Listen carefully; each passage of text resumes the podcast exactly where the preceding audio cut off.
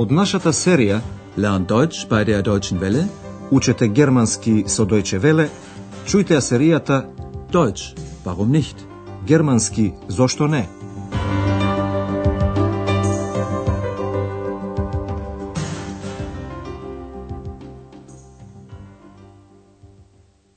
Liebe Hörerinnen und Hörer. Добар ден, почитувани слушателки и слушатели. Денеска на рете е 21-та лекција со наслов Како да дојдам до поштата? Ви коме их цо пост? Во последната лекција чувте како господин Милер доаѓа во хотел Европа. Тој на Андреас му вели дека резервирал една соба. Обрнете внимание на перфектот на глаголот со завршок ирен, како на пример во резервирен. Ich habe ein Zimmer reserviert. Андреас добро се сеќава дека разговарал по телефон со секретарката на господин Милер. Ah ja, ich habe mit Ihrer Sekretärin telefoniert. Се откри дека господин Милер погрешил во датумот на резервација на собата и дека ја резервирал за 14. Меѓутоа, тој во хотелот дошол на 13.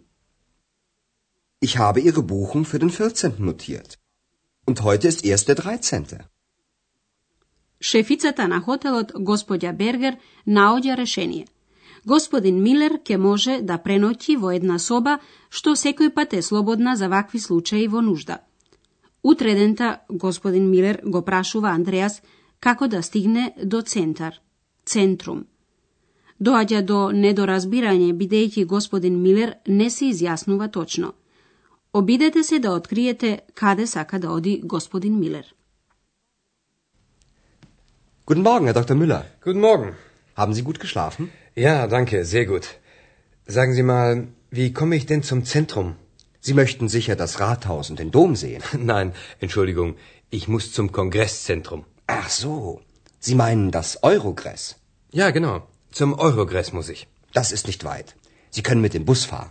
Ah nein, Bestellen Sie mir bitte ein Taxi. Ja, gern.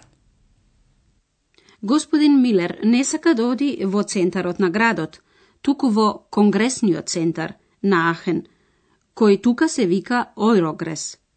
Да го чуеме разговорот уште еднаш. Пред пладнето Андреас најпрвин го прашува господин Милер. Дали имате спиено добро? Haben Sie gut geschlafen? Господин Милер одговара позитивно и прашува како да стигнам до центарот. Wie komme ich denn zum Zentrum? Андреас верува. Вие сигурно сакате да ги видите градската куќа и катедралата. Sie möchten sicher das Rathaus und den Dom sehen. Господин Милер забележува дека дошло до недоразбирање, се извинува и кажува точно каде сака да оди. Не, извинете, јас морам во Конгресниот центар. Nein, Entschuldigung, ich muss zum Kongresszentrum. Андреа сега разбира. Ах, така, вие мислите на Eurogres. Ach so, Sie meinen das Eurogress. Господин Милер потврдува. Да, точно, јас морам во Eurogres. Ja, genau, zum Eurogress muss ich.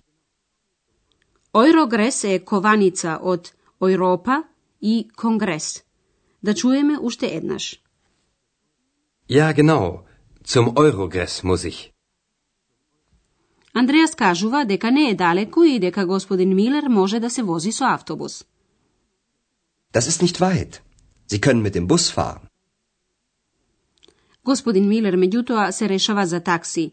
Ах не, нарачајте ми ве молам едно такси.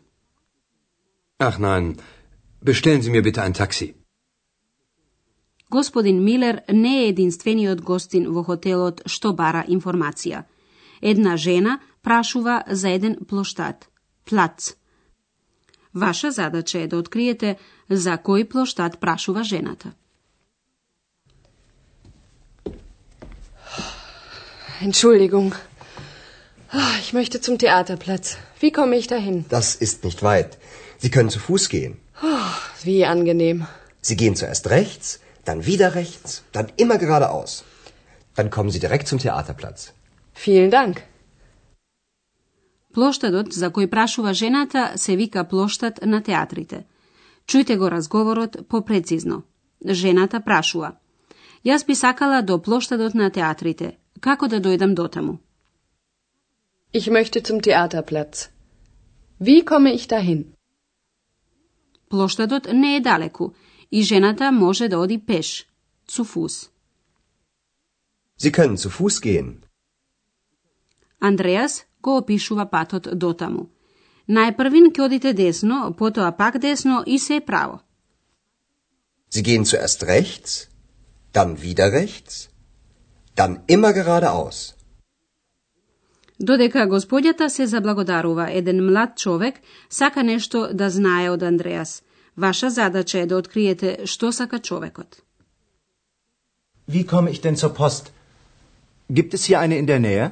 Ja, kennen Sie den Weg zum Bahnhof? Ja, Dann gehen Sie einfach zum Bahnhof. Dort ist auch eine Post. vielen Dank. Младиот човек сака да знае дали во близина има некоја пошта. Да го чуеме тој разговор уште еднаш. Во почетокот тој поставува две прашања. Најпрвин, како да стигнам до поштата? Wie komme ich denn zur Post? Потоа прашува дали во близина има некоја пошта. При тоа го испушта зборот пост и го спомнува само членот ајне. Gibt es hier eine in der Nähe? Недалеку од Хотел Европа, кај главната железничка станица, се наоѓа поштата. Андреас го прашува човекот. Дали го познавате патот дотаму?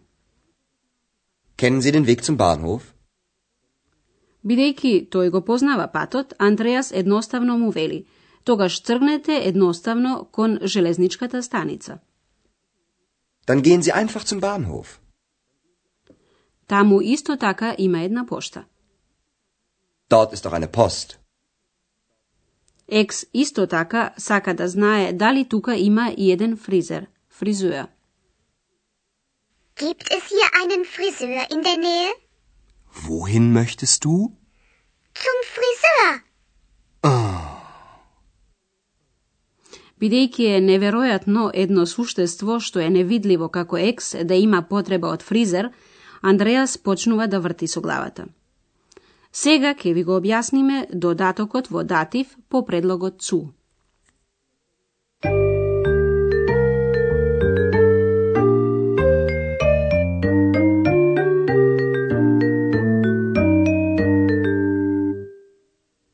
За дополнувањето во датив во нашиот пример се прашува со прашалниот збор каде, воhin. Со воhin се прашува за некоја цел. Wohin?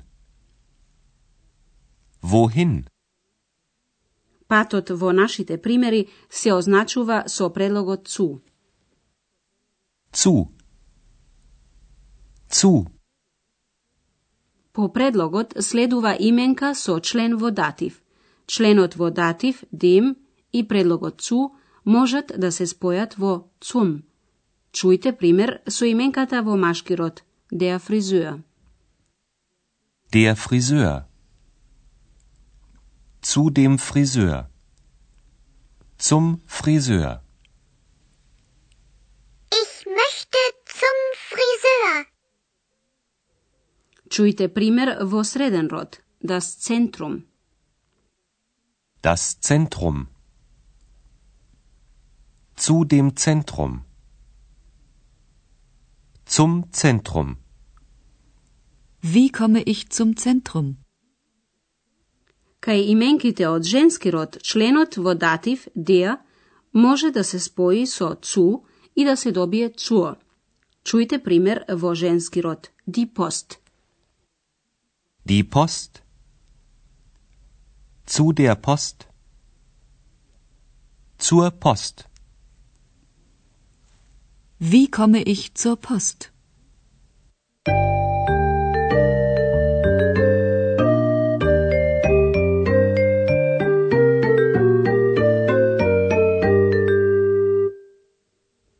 На крајот да го чуеме целиот разговор уште еднаш.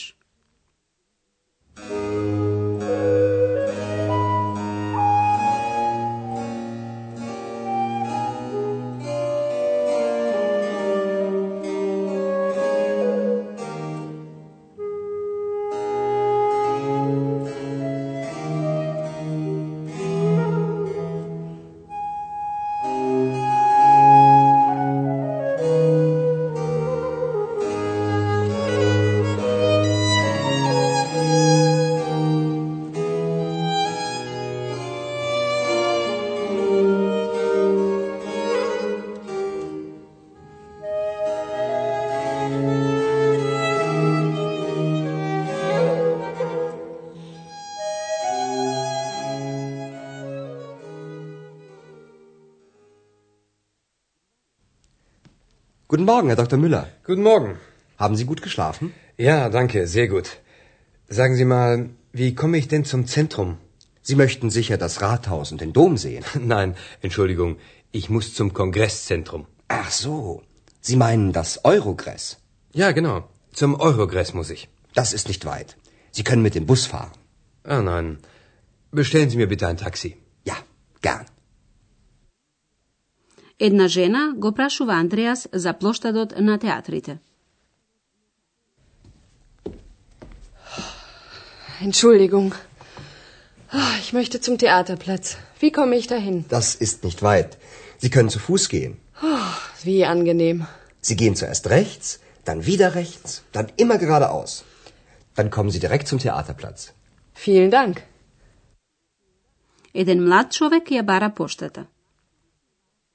Wie komme ich denn zur Post? Gibt es hier eine in der Nähe? Ja. Kennen Sie den Weg zum Bahnhof? Ja. Dann gehen Sie einfach zum Bahnhof. Dort ist auch eine Post. Vielen Dank. Aix Sakadodina Fräser. Gibt es hier einen Friseur in der Nähe? Wohin möchtest du? Zum Friseur. Oh. Za danes toliko. До наредната лекција, до слушање. Für heute auf Wiederhören. Тоа беше германски зошто не, радиоговорен курс на Херат Мезе во продукција на Дојче Веле и на Гетовиот институт од Минхен.